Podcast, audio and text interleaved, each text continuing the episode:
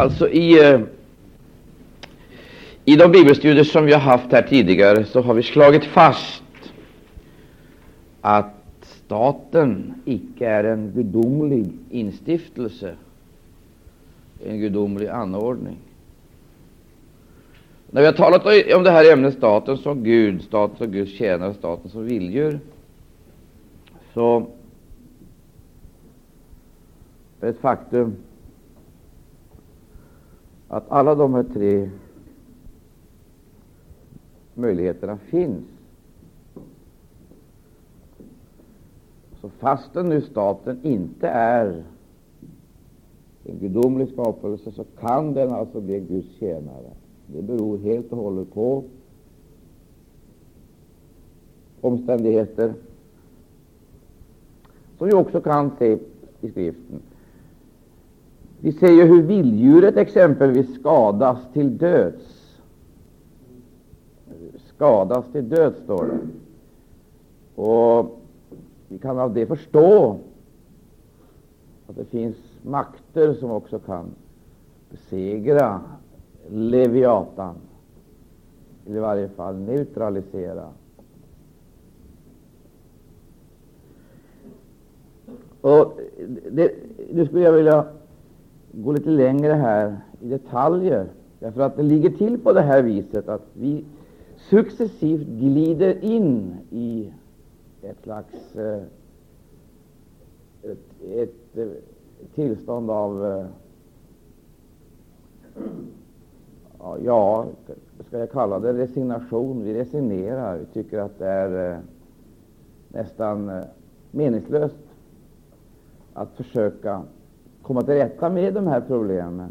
Så våra, för, vårt förhållande till den närvarande tidsåldern och den närvarande tidsålderns maktkonstellationer. Istället för, att vi, istället för att bli fria personligheter, verkligt fria personligheter, så dukar vi under och blir eh, slavar. Och de flesta av oss som är här är förslavade.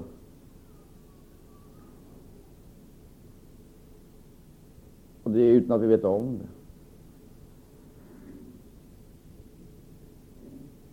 Därför att eh, de friheter som kanske fanns i själva i, i begynnelsen, de friheter som fanns i begynnelsen, de har gått förlorade utan att eh, man har märkt det.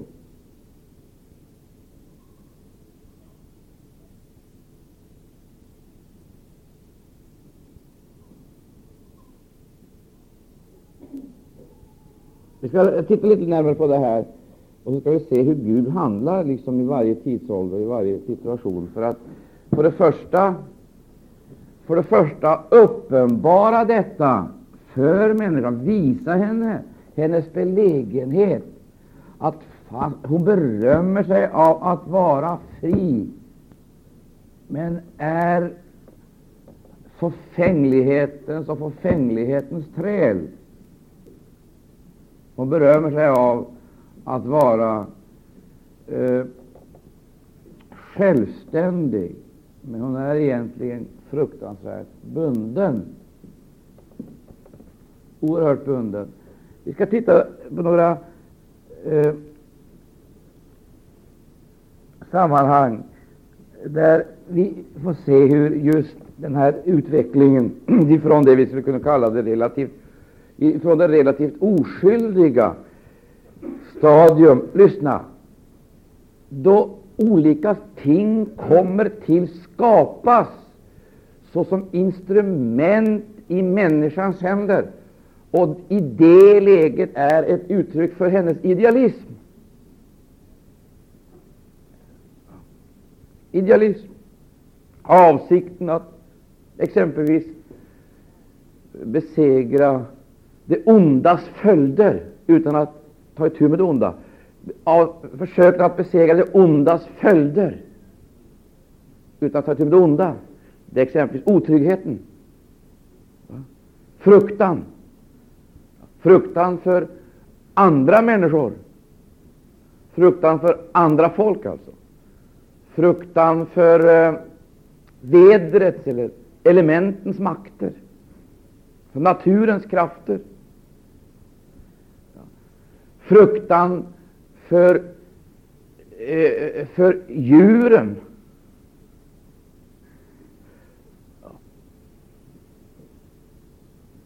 Fruktan för sjukdomen, för fattigdomen. Alltså, detta som finns där med där hela tiden, och hennes tappra försök att komma till rätta med det, det vill säga att försöka bygga ut allt detta utan att ta itu med det onda själv.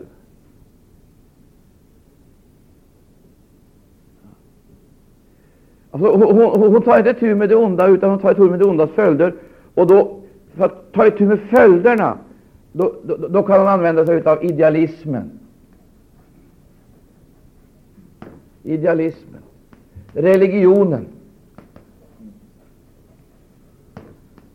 kulturen, politiken,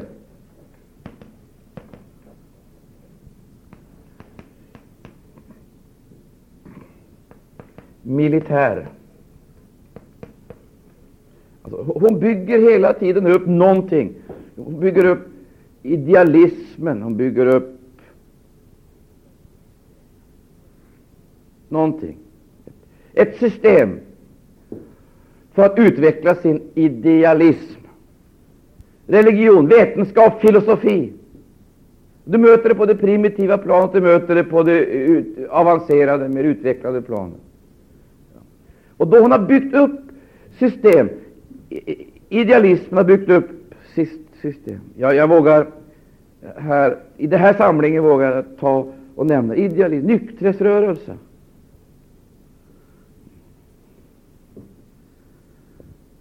Istället för att ta itu med det onda, så tar hon itu med det ondas orsaker. Nykterhetsrörelsen, fredsrörelsen, idealismen. Istället för att ta itu med det onda, då tar hon itu med det ondas orsaker och försöker kringgå det här problemet genom att skapa mäktiga bålverk emot vissa speciellt utmärkande avarter. Och när jag nu talar om eh, nykterhetsrörelsen så gör jag det därför att liksom aktualiserade. det. det finns, samma företeelse finns i alla tider, också i vår tid. Fredsrörelsen. Finns det någonting mera?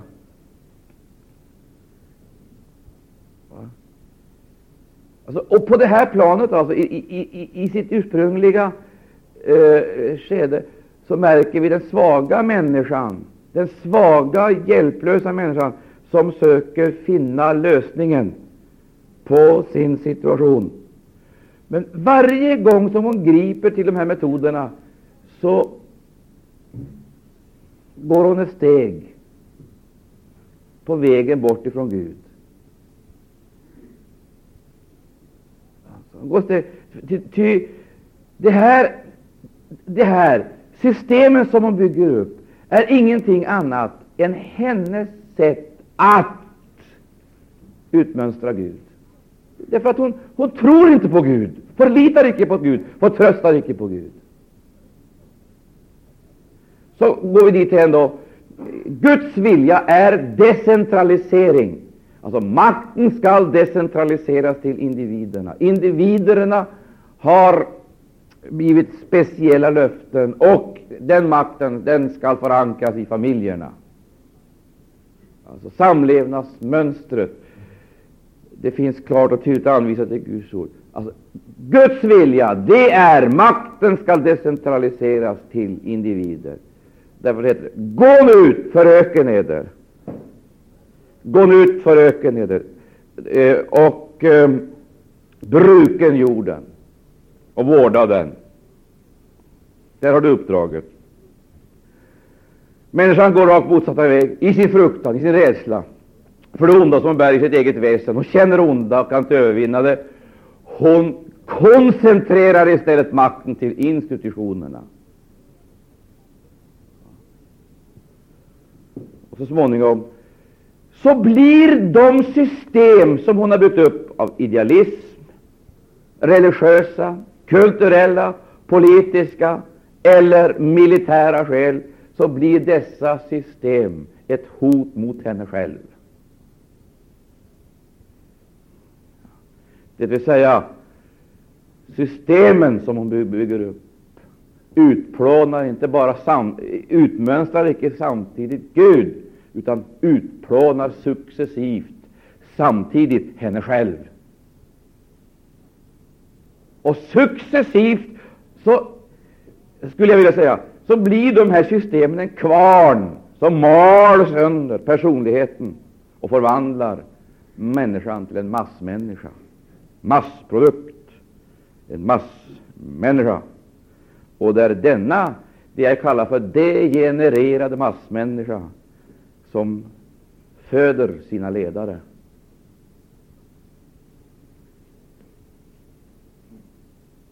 Väljer sina ledare. Och det är denna massmedia, det är ut ur detta hav som också sedan Antikrist kommer. Nu säger jag någonting här som jag inte gärna vill att ni ska prata för mycket om. Man får vara lite försiktig med det här, för att det, det här är det här var allvarligt att eh, liksom kasta omkring sig. Jag har nämnt det här, idealismen. Jag, jag, jag, jag nämner det här, jag skriver till och med fred, nykterhet. Har vi något mera? Va? Ja, filantropiska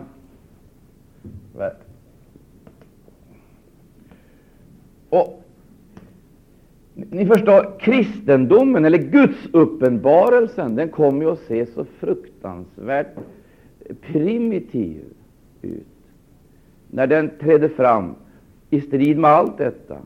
Vem är du som vill bekämpa freden? Va? Vem är du som vill gå emot nykterheten? Vem är du som vill gå emot filantropin?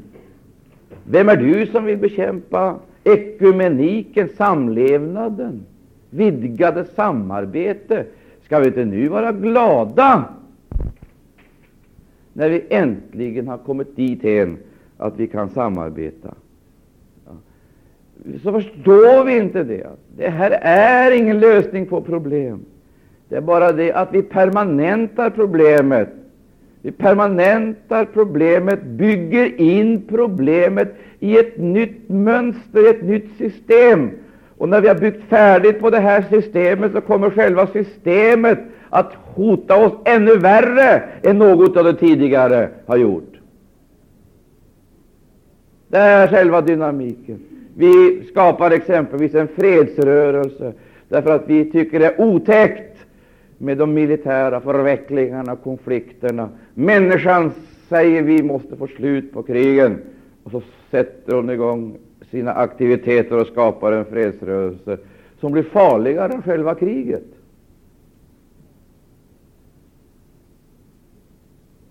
Va? Det måste vi motivera. Blir fredsrörelsen farligare än själva kriget? Ja, men snälla ni, det är ju fredsrörelsen som kommer att föda fram Antikrist. Det är fredsrörelsen. Vad är fredsrörelsen för någonting? Det är ett försök att åstadkomma hyggliga samlevnadsformer utan fridsfursten. Det är bara ett dåligt försök att göra sig oberoende av fridsfursten. Därför att fridsfursten går icke med på våra villkor och våra försök att skapa någonting. Därför att vad det först och främst handlar om, det är krigens djupaste orsak.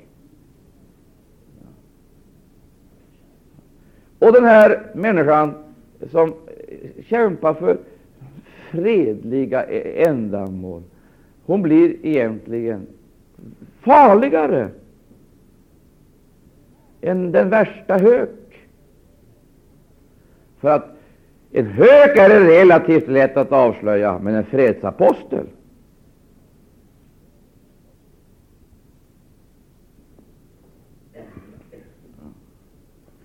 Och kyrkorna de faller för det där och öppnar sina predikstolar för fredsapostlarna som kommer med sitt fredsbudskap.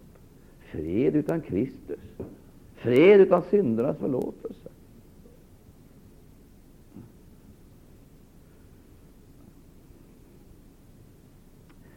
Vi har nykterhetsrörelsen. Jag vill inte förneka, det är väl ingen här som vill förneka att, eh, att eh, vi har en fruktansvärd situation i vårt land, också i andra länder. Människans onda följeslagare, det är missbruk av droger, berusningsmedel. Det är ont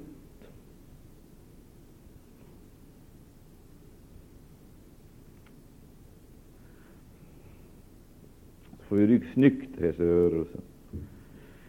Eh, vill man vara lite spefull, vilket man kanske inte ska vara, men vill man vara lite spefull så ser man hur nykterhetsrörelsen i sin tur, på grund av sin absolutism och torka, eh, har, tunga, har tvingats att uh, bygga upp rörelsen med ett slags frimureri, en blandning av uh, mysticism och idealism och eh, det är klart det blir torrt och ja, tråkigt. Men vare sig det finns andeliv eller andra stimulanser måste man ju få in någonting som ger åtminstone någon spänning och någon dimension. Och då har vi fått frimureriet, ordnarna, och den ena orden är ju liksom mer hemlighetsfull än den andra, tills du är invigd i de innersta hemligheterna. Det har de också försökt att få över Guds de har försökt också, också fått över Gud på sin sida för att bygga upp detta.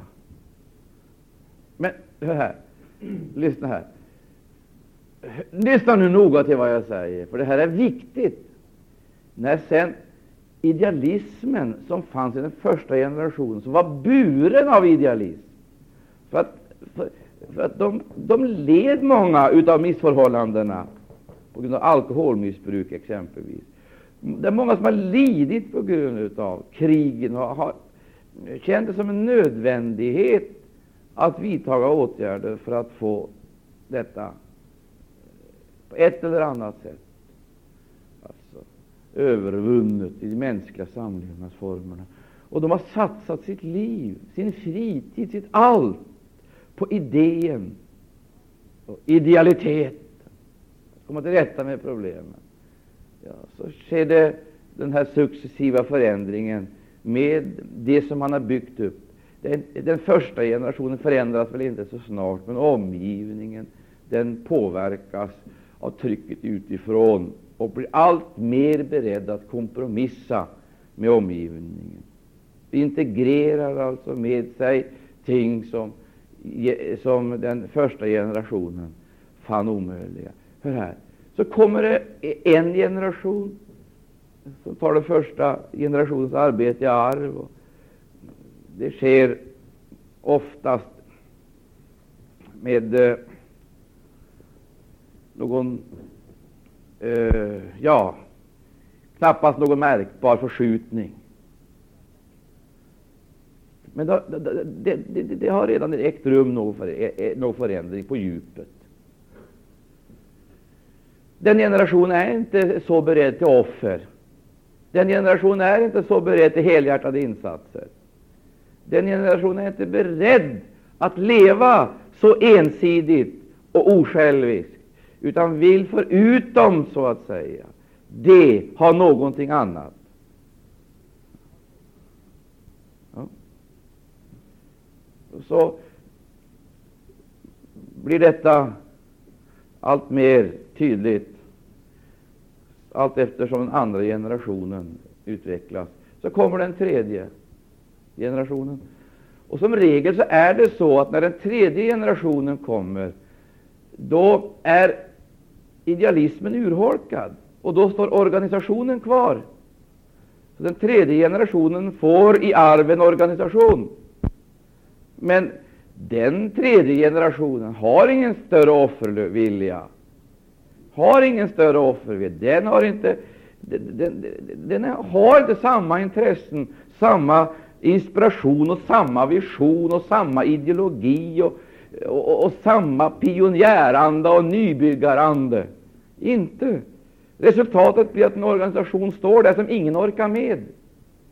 Idealisterna själva orkar inte med den. Resultatet blir det att organisationen överlämnas åt samhället. Så integreras då institutionen som står kvar som ett resultat av individernas insatser.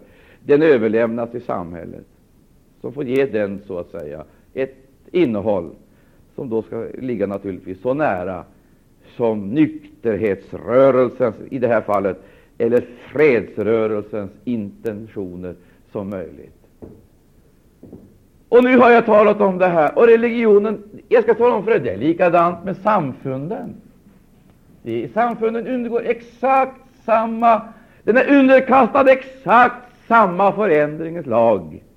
Exakt samma. Vad står kvar när de två första generationerna har gått? Då står institutionerna, organisationerna och kyrkorna kvar. Det blir den tredje generationen som får vårda traditionerna. Och så småningom så överlämnas kyrkan åt samhället. Den överlämnas åt samhället på det sättet att samhället inser att kyrkan är nödvändig. Den har en stor och betydelsefull funktion att fylla. Man kan icke befria ett samhälle från religiösa aktiviteter eller religiöst liv. Samhället inser att det är betjänt av att äga de äga samfunden. Och så blir också samfunden integrerat. Alltså, det, det, det, vi, vi, vi, tänker oss den här fyrkanten som samhället eller staten. Så jag gör det här nu precis så enkelt som jag ser det. Utanför växer de här samfunden upp. De växer upp utanför som, fri, som, som, som rörelser. De är utanför. De är utanför kultursammanhangen, de är utanför politiken. De är utanför mm, eh, hela samhälls och maktstrukturen. Ganska maktlösa och som regel förföljda. Jag läste i eh, natt i tidningen Dagen för igår en artikel om en församling som i, dagarna fyller 120 år. Och nu sitter vi och applåderar de här gamla församlingarna eh, där de beskriver historien. Uh, jag tror att jag har den här tidningen Dagen uppe i mitt rum. Jag tror jag ska läsa det för er. Alltså, där som man kan, man kan eh, gå på hämta Där som man kan vända sig i, i graven, höll jag på att säga. Det, det, det, är någonting helt otroligt att se hur man idag sitter på parkett liksom och applåderar fäderna istället för att ta reda på vad orsaken till att de hamnade i den här situationen. Vad är orsaken till att de håller på och kämpar mot den vilda djuren och vi sitter på parkett och applåderar? Ja, det, det, är några exempel som just visar det här. Och så småningom då så händer det någonting i utvecklingen som gör att det etableras något samarbete här och lite här, lite här och lite här. Och så småningom så utvidgas. Man, man säger så här. Vi, vi förändrar oss icke, säger kyrkornas sam. Vi förändrar oss icke, aldrig, utan vi ska hålla fast och stå för vårt budskap och, och, och, och Bibelns ord och så vidare. Nej, säger samhället, ni förändras icke. Men så förstår man icke det, att just genom det här samarbetet som här har etablerats, jag vill att ni ska följa med här nu, just, nej, du, det var fel, hörru, det var Hemmets vän, ännu värre. Ännu värre. Nej. Du. Alltså, Hemmets vän organ för ljumma kristna. Alltså,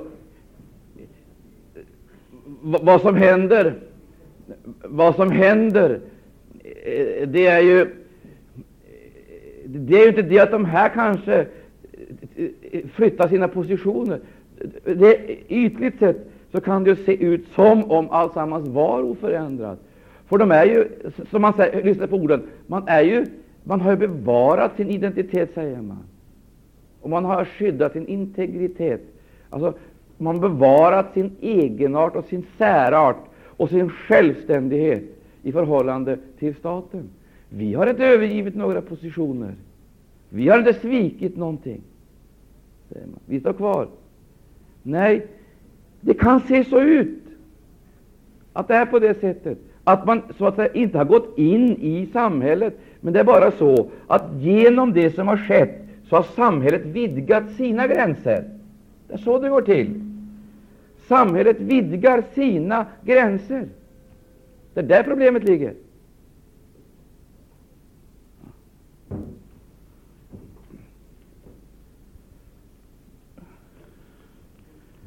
Alltså,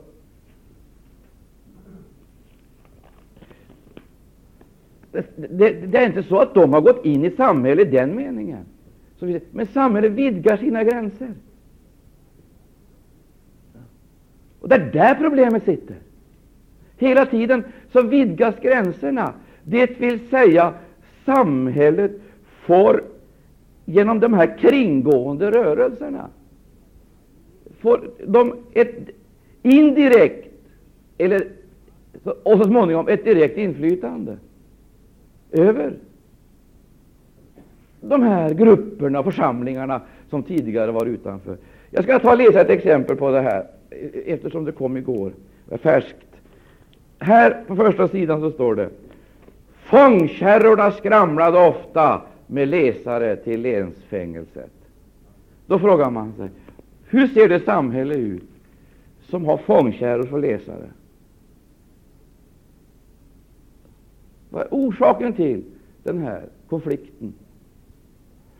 Och så frågan den, finns orsakerna kvar?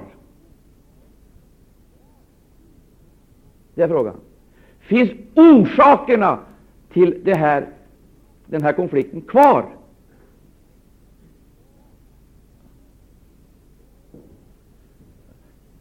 Varför har då striden bilagts?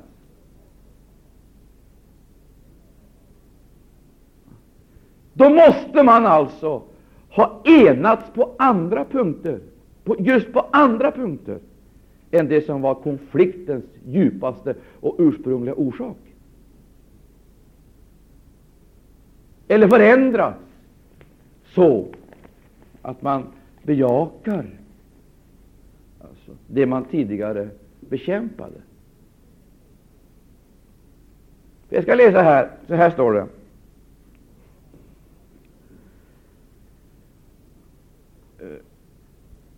Då man betänker att det var olärda människor som knappast kunde läsa upphör man inte att förvånas över deras obeskrivliga bibelsprängdhet. De svarade alla sina belackare med bibelord belackade. Och de hade en säkerhet och frimodighet som endast den heliga Ande kunde gett dem. För någon social bakgrund ägde de inte. Dalarna var på den tiden en fattig provins i Sverige, där det var ont om brödfödan. Så var läget i Vomhus, bild, så var läget då Vomhus bildade sin församling. Sju personer som döpt sig i Orsasjön bildade genast en församling, och skaran växte undan för undan. Det hände vid flera tillfällen att man sköt på dopkandidaterna, men inget ont hände dem. Frihetstanken väcktes tidigt i Vomhus baptistförsamling. Man ville helt frigöra sig från statskyrkan, och man ville inte betala skatt till kyrkan och prästerna. Inte heller ville man sända sina barn till vardagsskolan. Kan ni svara för mig? Alltså, när jag läser det här så tänker jag, jaha, Det var de det. Det på den tiden det, när det verkligt onda fanns i Sverige. Men nu är det inte så ont längre. Nu har samhället blivit kristet och skolan blivit from. Då på den tiden var det klart att föräldrarna måste ta sina barn i vardagsskolan, men inte idag, för nu har vi fått en utsökt fin skola. Och Det var på den tiden man sköt på dopkandidaterna. Nu skjuter man inte dem, utan nu ger man dem en gåva istället för att de döper sig. Det vill säga, samhället ger ju varje ny medlem 12 kronor året. Det är ju så. Frågan är vad är det som har skett? Vad, vad, vad har skett? Jag tycker det är allvarliga frågor. Vi behöver ta reda på vad har skett. Vi lägger märke till då, i, i det här stadiet, alltså, när, innan samhället hade vidgat sina gränser och också lagt det här under sig, då sa de kristna vi betalar inte skatt. Vi betalar inte skatt till kyrkan och till prästerna. Det är otänkbart. Det var den frågan. Så går utvecklingen. Utvecklingen går sin gång. Så går fram 120 år. Och då är det inte längre frågan om om de kristna skall betala skatt, utan då säger de kristna vi vill ha pengar tillbaka för den skatt vi har erlagt till samhället.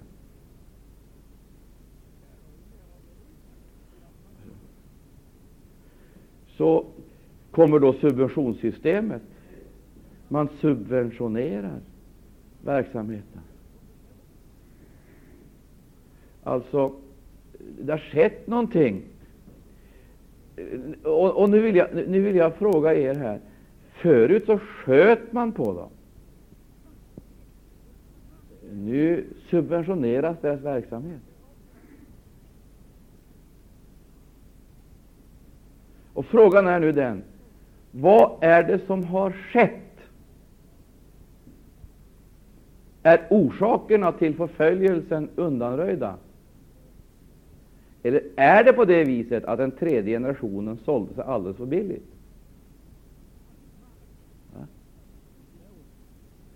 För att Hör här. Jag hoppas ni kan följa med mig nu eh, här, för att det här är naturligtvis ett litet idéresonemang. Men jag är tvungen att ta upp det för att vi ska få se det här. Nu har alltså samhället flyttat sina gränser. Samhället har flyttat sina gränser. De har utvidgat, flyttat sina gränser och, jag höll på att säga, erkänt dem. Vad beror det på? Vad beror det på? På vad sätt har samhället påverkats av de här rörelserna? Det är klart att i, i en eller två avseenden har påverkats. Men i verkligheten så står samhället oförändrat kvar på sina positioner. Det har vidtagit vissa attitydförändringar som är betingade utav, utav nödvändigheten. Taktiska förändringar i det yttre, vanligtvis.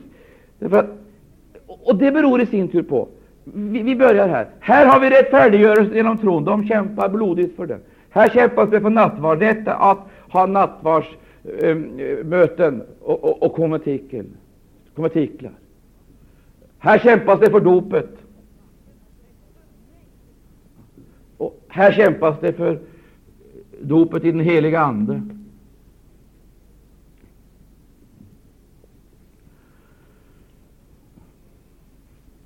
Så småningom så har de här sanningarna fått fäste, vunnit burskap, blivit erkända, blivit accepterade. Därför att i samhället finns redan en grupp, ett folk, som förkroppsligar vad det här predikat. Vad borde ske då i nästa steg? Istället då för att låsa in den här sanningen i ett sånt här organisatoriskt, i en sån här organisatorisk gigant, så skulle naturligtvis nya ting komma till. Nya ting skulle ha kommit till. Nya sanningar.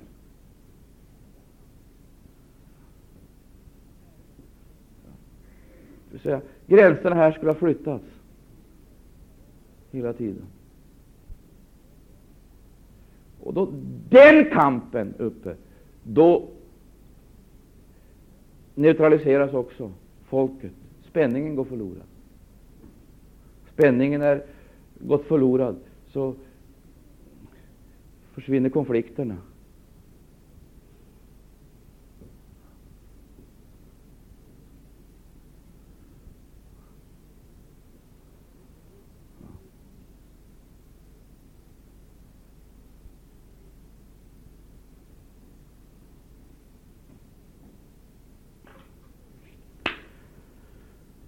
Och då man har fått så många år på sig, så vill jag säga, då kan samhället diskutera. Man tar aldrig upp de här frågorna naturligtvis. De teologiska frågorna det diskuterar inte, utan man etablerar en diskussion om andra saker. Och vi tar, går tillbaka till det här.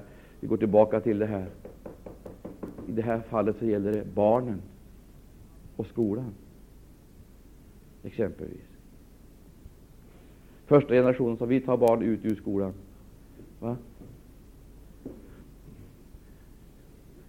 Det är motiverat av situationens allvar. Vi kan inte låta våra barn påverkas av denna skola, som står i, detta, i det ondas tjänst, som aldrig så att säga, tar itu med det, det ondas orsak, utan hela tiden sysslar med följderna.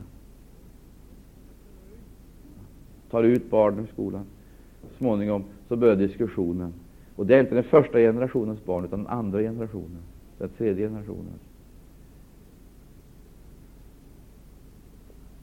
Strävan till likhet med omgivningen i yttre avseenden. Hör du? Strävan till likhet med omgivningen i yttre avseenden. Ge oss en konung så vi blir lika alla andra folk.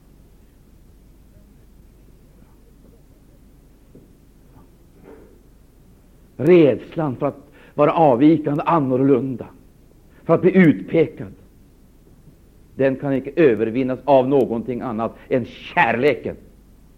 Och när den första kärleken har gått förlorad, då är man rädd vanligtvis, orkar icke med.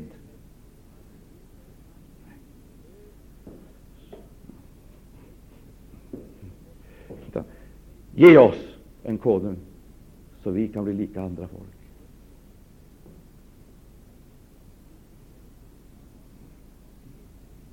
Och så kommer det resonemanget.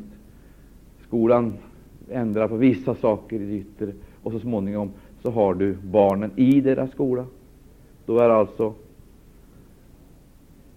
samhället har ytterligare en gång flyttat sina gränser. Nu har det brutit sig in, kanske icke direkt i församlingen, men det har brutit sig in i familjen och annekterat någonting och mördat, icke bara individer, själsligt mördat, men också mördat en princip.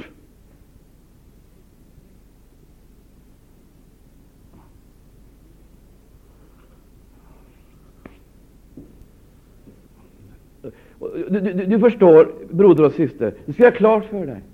Det är den här generationen, den tredje generationen, som har blivit annekterad på det här viset. Alltså, som sedan den generationen som kommer att vara rekryteringsbas rekryteringsbasen för samhällets institutioner. Här har du föreningsvana, organisationsvana. Förstår du vad jag säger? Här kommer, här har du också i viss mån en intellektuell träning som saknas i det övriga samhället. Ut ur de här tas det en elit.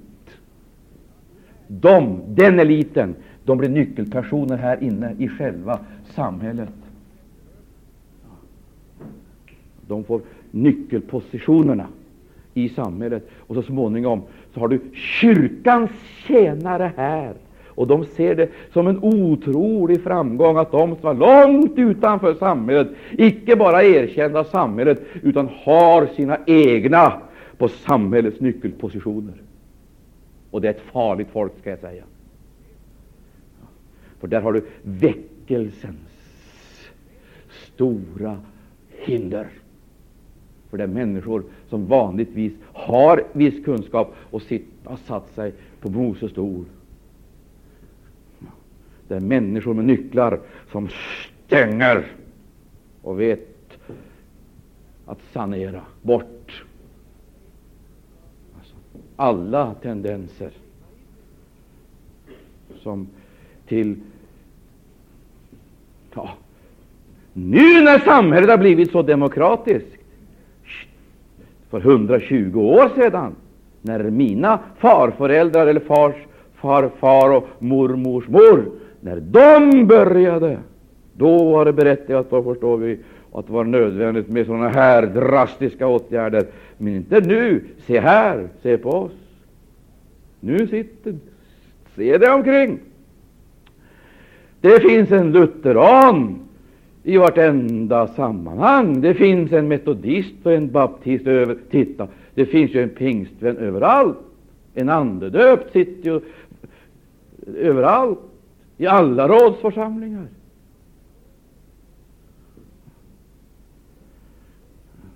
Och om Jesus dröjer, om Jesus dröjer, vilket jag inte tror, men om han skulle dröja i hundra år till, så skulle du få se, då har den generationen gått, och då sitter det förmodligen några Maranatavänner precis på samma sätt, skruvar igen och stänger. Så sitter där, där våra barn, barns barn, som sitter och talar om vilka insatser vi gjorde, vilken idealitet vi var uppburna av, och hur vi ordnade det, hur bra vi ordnade så att de också fick rättigheter, rättigheter att utöva sitt inflytande i samhället. Men då är samhället så ruttet så det är knappast något mänskligt liv som kan överleva. Men de upplever inte så. Tvärtom, de är mitt inne i tusenårsriket.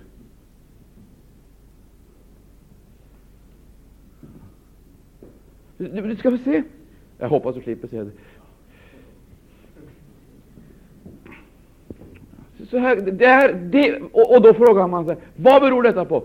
Det beror på det att man ständigt går på, or, går på följderna istället för att ta itu med orsaken.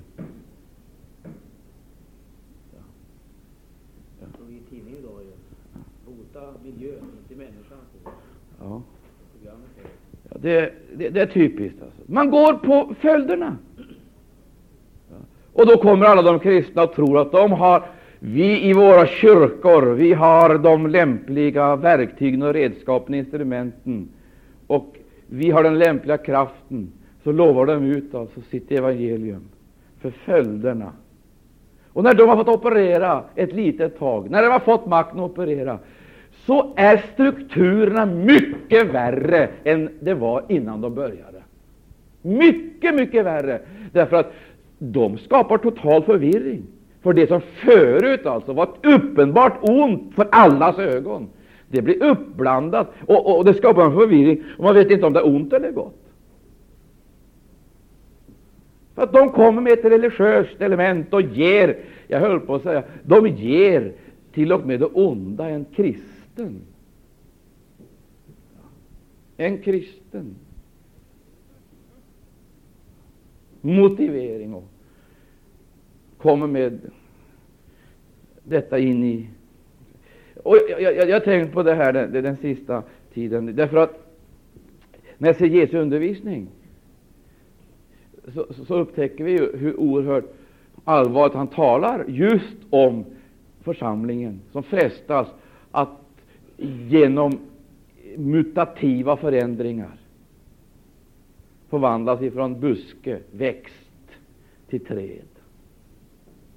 Om du läser exempelvis den liknelsen, om du läser den liknelsen, lyssna här noga, läser du den liknelsen som Jesus framställer det är i Matteus 13 och ser om senapsväxten som växer upp, alltså, och, och, och bevarar sin identitet, sitt särprägel, ända fram till dess att det genom någon förunderlig förändring blir ett träd och som byggs, eller som växer upp med ett jättelikt grenverk.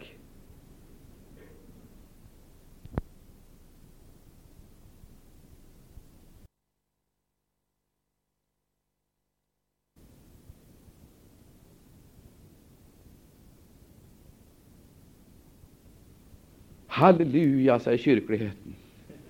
Åh, oh, nu äntligen den där lilla otäcka växten som stod där som ett irritationsmoment.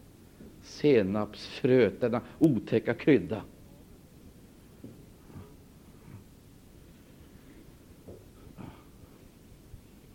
Äntligen har vi fått någon ordning på det här. Det har blivit någon kulturväxt. Se nu hur det växer, hur det utvecklas, hur stort och fint det blir, beundrat av alla. Och man frågar, hur har en sån liten oskyldig företeelse kunnat få en sån kromosomartad växt? Det är ju ett mammutträd. Man måste gå tillbaka till jättarna för att hitta något liknande. Det blir något enastående på jorden. Och så läser vi i den första delen av det där kapitlet, där står det ju om mannen som gick och sådde.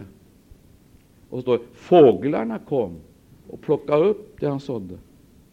Ja. Det var det som var sått vid vägen. Det kom fåglarna plocka upp.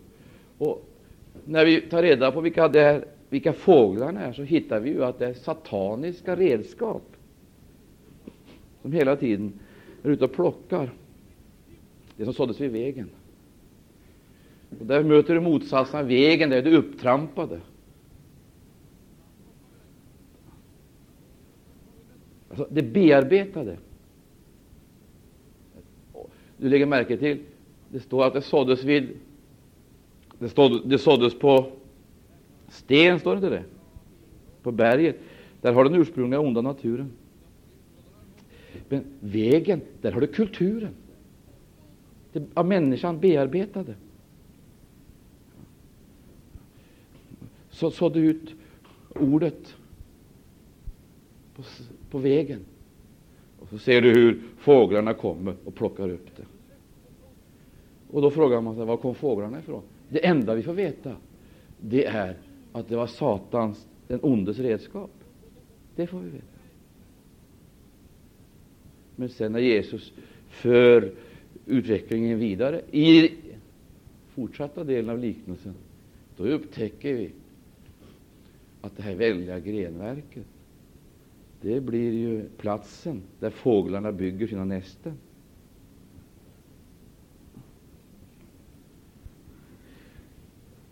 Just det! Där har du det igen. Vägen och trädet.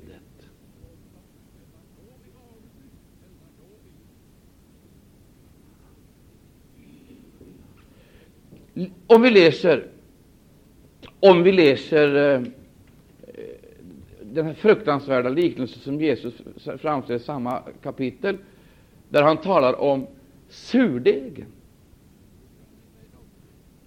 tre skeppor mjöl. Alltså. Och kvinnan som kommer och lägger surdegen i mjölet.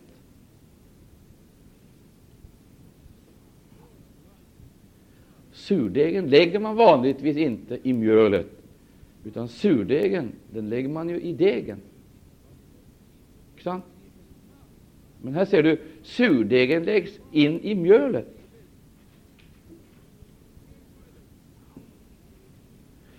Jag, jag tycker du ska följa med den här, den här, får jag kalla det, ledvisa förändringen. För det första, innan det har blivit mjöl, så har det skett någonting.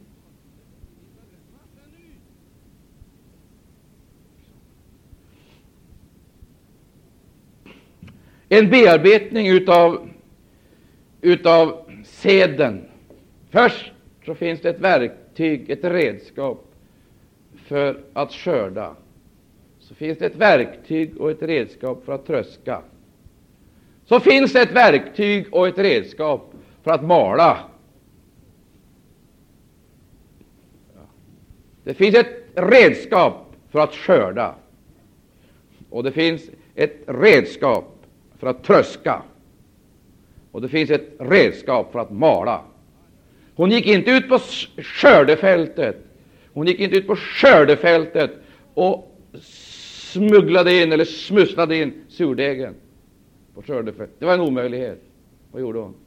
Hon väntade till dess att skörden hade blivit mjöl. Skördefältet, där har du bilden av hela världen. Det är, inte, det är inte där hon arbetar. Hon arbetar i ladan, församlingen. Det finns alltså ett redskap för skörden när den ska skördas. Herren sänder ut sina skördemän. Om vi håller oss till den gamla bilden, använder sin lie för att bärga det in. Och när det kommit in, första stadiet, så tas det in på logen. Då kommer tröskningen. Då tröskas det. Det finns ett redskap. Tröskningen. Icke ens där möter vi kvinnan med surdegen. Hon försöker inte tvinga sin surdeg in i seden i det tillståndet. Men det finns ett redskap också för seden som ligger på logen, och det är kvarnen. Så utvecklas det vidare, det vill säga stenarna krossar. Och här har du det, min älskade vän. Här har du det. Det är just i det stadiet när han har blivit av med skalet. Blivit av med skalet och jag höll på att säga pulveriserad, till intet jord. Det är det stadiet man är i fara. Det är det stadiet man är i fara för dessa onda influenser som uppträder, icke som fiender, men i det stadiet så kommer dessa krafter för att hjälpa oss att bli goda, övervinnande kristna.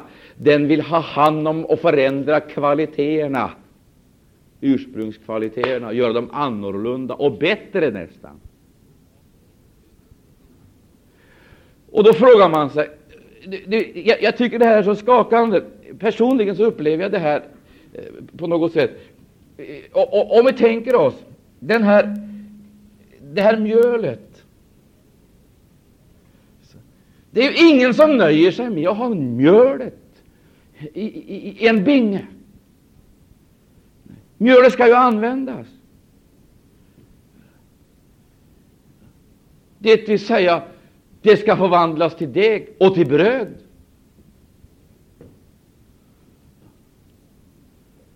Mjölet ska så småningom knådas. Och vi vet att så länge mjölet existerar så finns det möjlighet att plocka ut varje litet mikroskopiskt pulver och skilja det ifrån de övriga på det stadiet. Men det ska ju förvandlas till deg. Och när mjölet har förvandlats till deg, då kan man inte skilja det ena mjölgrandet ifrån det andra. Sen när det kommit in i ugnen och gräddats, då är det bröd.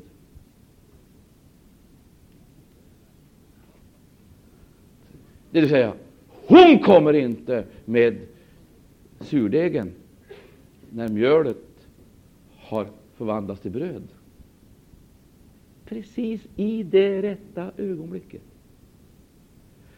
I det rätta ögonblicket så kommer hon med sitt mjöl, eh, med sitt, sin surdeg och lägger ner det i tre skeppor mjöl. Och om du börjar kontrollera eller eh, titta efter vad det är så handlar det om spisoffret. Det är spisoffer. Läser du om spisoffret, vad det är för någonting, så förstår du vad det är för operationer det handlar om. Nu går inte jag in på det där om spisoffret, det får du läsa själv. Men du kan läsa om spisoffret. Så får du se vad det är för någonting. Men hör här. Då lägger hon in sitt, sin surdeg i mjölet. Och så småningom, vill, vill ni svara mig på den här frågan? Så småningom så är ju hela, hela mjöl, mjölet förstört. Va? Nu vill jag fråga er, när nu surdegen har trängt igenom, kan man då få ut den ur mjölet? Va? Kan man det? Kan man gå och försöka plocka ut, filtrera bort surdegen ifrån det övriga mjölet för att rädda mjölet? Kan man det? Det är en omöjlighet, ja. Vad måste man alltså göra? Det enda sättet att bevara mjölet, vet du vad det är? Det är att det aldrig kommer i förbindelse med surdegen.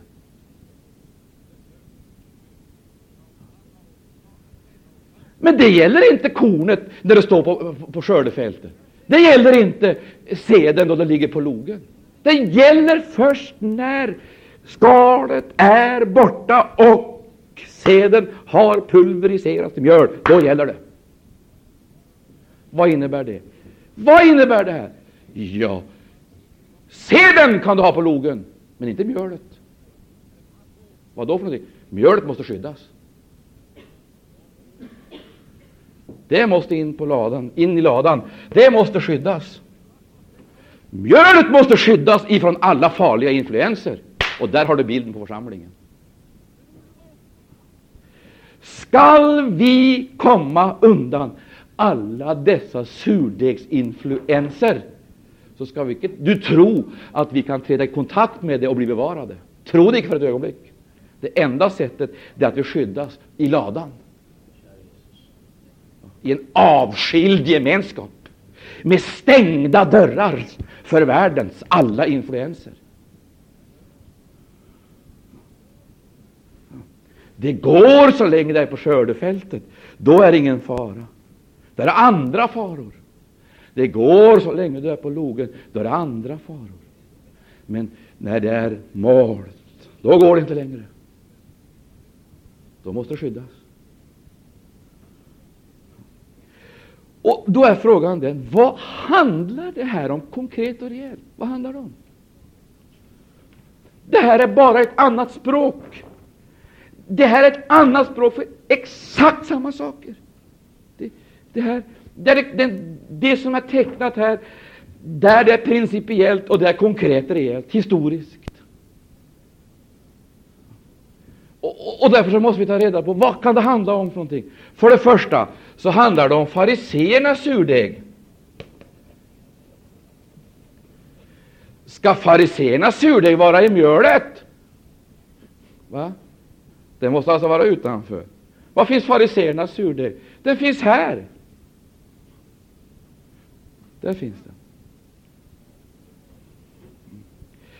Där den här, jag höll på att säga, där den här bingen, fatta mig nu rätt, uppe på ladan, väl skyddad, där den som kallas för sekterism i världen.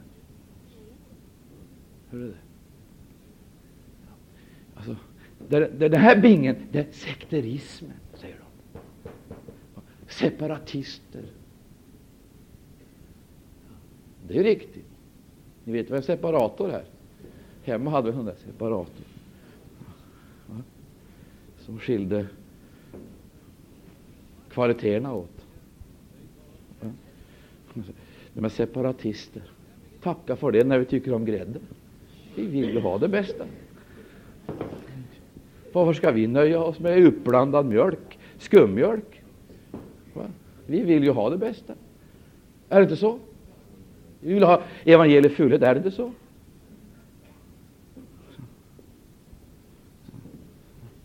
Avskilja, urskilja. Människan blanda ihop, blanda ihop. Babel blanda ihop, blanda ihop, ont och gott.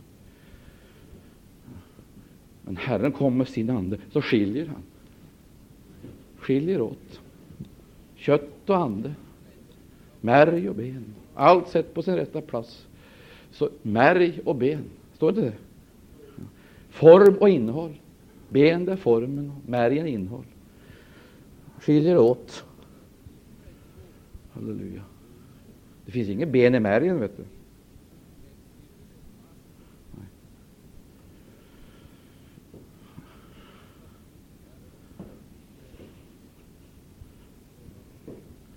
Han skiljer åt vattnet och, och, och, och jorden. Det skiljer han åt. Inte sant? Ljus och mörker, det skiljer han åt. Men människan och Satan blandar ihop ljus med mörker. Vi vill varken ha ljus eller mörker, men skymning.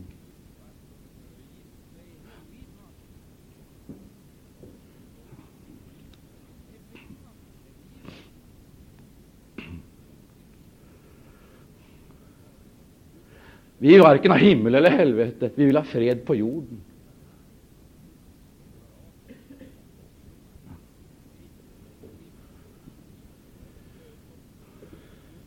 Egentligen så vill vi varken ha Kristus eller Antikrist, för vi vill vara vår egen lille Gud. Blandar ihop.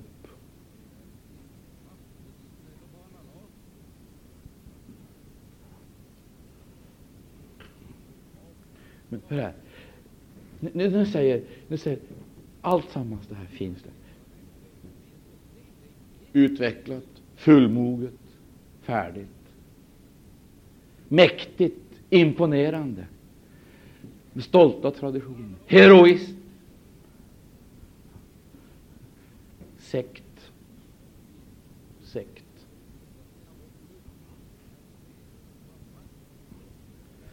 Separatister. Och så vidare. Och det är ju många kristna idag som har komplex för det. Att de skriker sekt. Det är värsta du kan säga åt en kristen, att den är sekteristisk.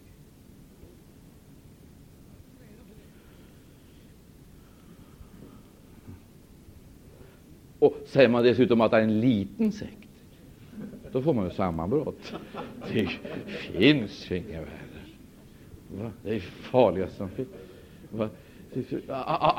En liten, då får man ju sammanbrott.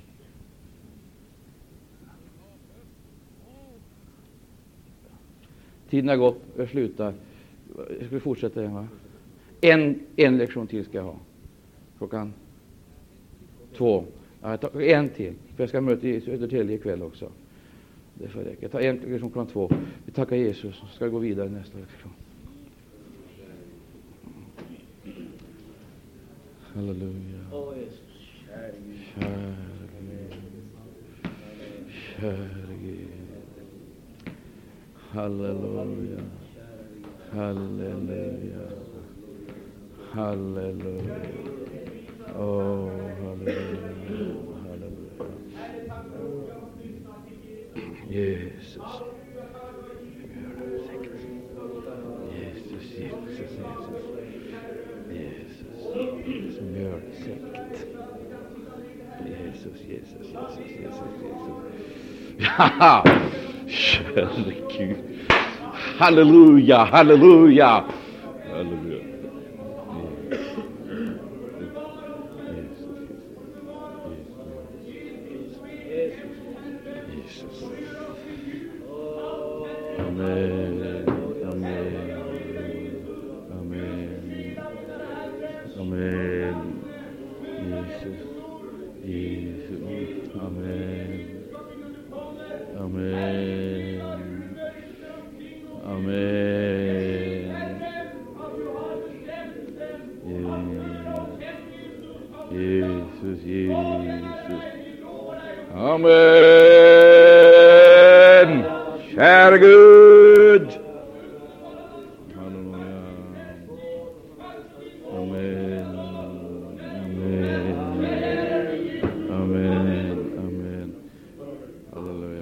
Ska vi sjunga Han är Herre, Jesus är Herre och offra matoffret? Ta upp matoffret vi sjunger. Jag tänkte på det här med mjölbingen här. Det är fantastiskt, förstår du, sammanhang. Mjölsekt, eller mjölsäck.